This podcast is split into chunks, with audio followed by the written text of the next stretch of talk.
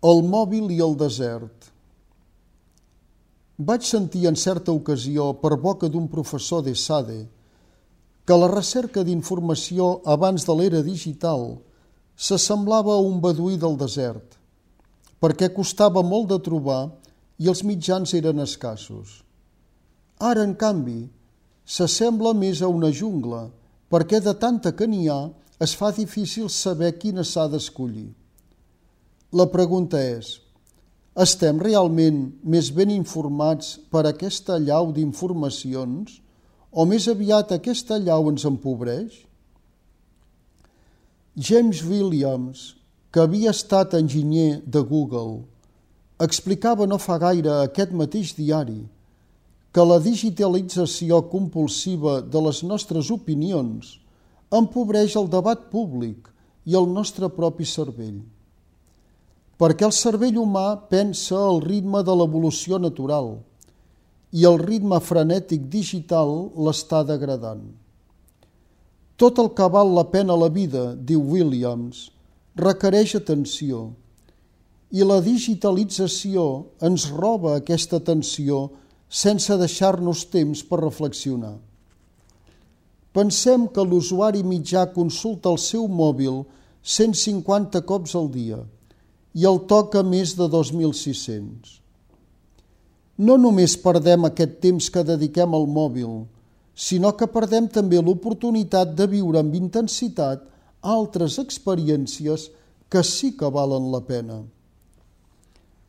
Alguns pensaven equivocadament que la digitalització democratitzava el coneixement, quan allò que provoca realment és donar poder a la banalitat i, a més, fer riques les elites.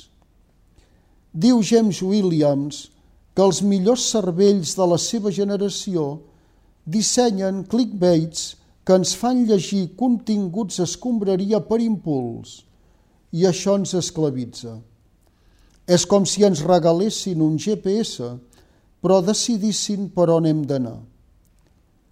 Una cosa semblant és el que fa la indústria de l'atenció – potenciar l'oferta de continguts temptadors a través de la pantalla a tot arreu i a tota hora. Consultem el mòbil de la mateixa manera que l'obès ingereix menjar porqueria, sense assaborir la lectura, l'escriptura o la reflexió. La paradoxa és que com més apetitoses són les escombraries que deglutim, menys ens alimentem com més atenció posem en continguts brossa, digital, menys ens assabentem del que passa realment i menys relacions de debò tenim.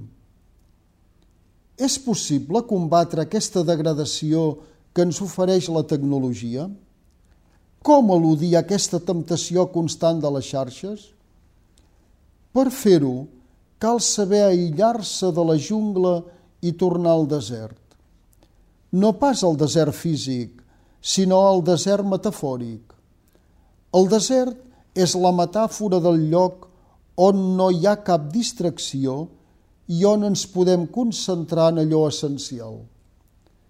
És una figura recurrent a la Bíblia que durant aquest temps de quaresma se'ns fa més present. És el lloc on Jesús fou temptat i va trobar la força per resistir a les temptacions. Tota temptació és una seducció que amaga un engany. Es tracta de desemmascarar l'engany i no deixar-se seduir per la temptació. Això és el que feu Jesús quan el temptador li oferia falsos messianismes.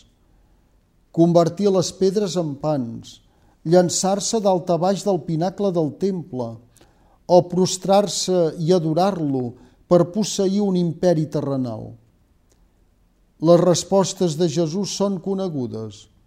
L'home no viu només d'allò material, ni de la glòria efímera, ni del poder enganyós.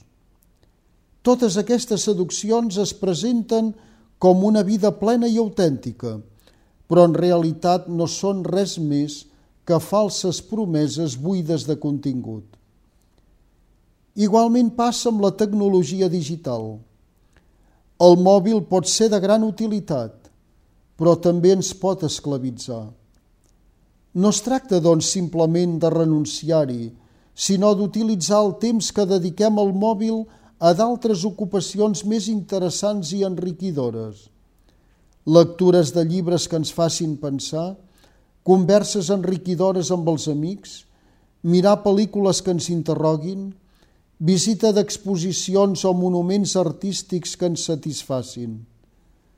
Només aconseguirem prescindir dels continguts escombraria digitals si els substituïm per altres continguts més rellevants que ens omplin plenament i ens humanitzin.